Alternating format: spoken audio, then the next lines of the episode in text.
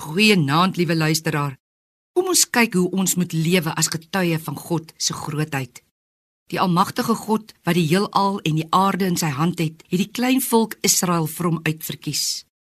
Hulle sou hulle aan hom wy, sy goeie gebooie gehoorsaam en daarvolgens lewe as 'n getuienis vir alle volke. En uit die geskiedenis van Israel word duidelik wat God van ons mense verwag, naamlik eerbied en liefde vir hom geregtigheid en hulp vir ons naaste, die weduwee en die wese en die armes en die vreemdelinge tussen ons.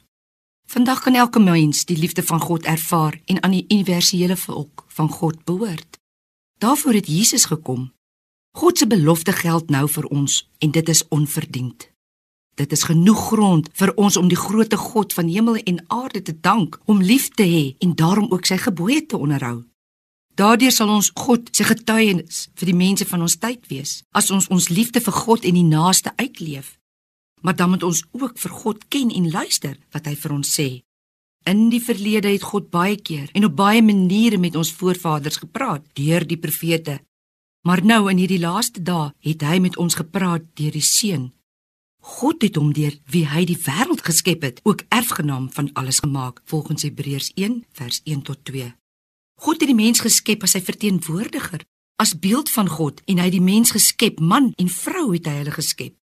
Hy het ons gemaak en hy het ook eers die kontak met ons gesoek omdat hy ons liefhet. Hy praat met ons soos hy met Abraham, Moses, die profete, die konings en skaapwagters gepraat het. En hy het op verskillende maniere gepraat. Welwillend, barmhartig, genadig en rigtinggewend. God se laaste beslissende en duidelike woord is Jesus Christus. Jesus het vir die mense alles gesê wat vir die lewe en die sterwe nodig is. Deur hom weet ons wie en hoe God is en ons kan dit alles in sy woord lees want sy woord het krag in en deur Jesus Christus.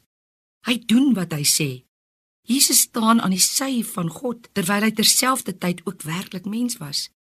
Hy het van God gekom en is self ook God die ewe beeld van God se wese en die afstraling van die heerlikheid van God. Amen.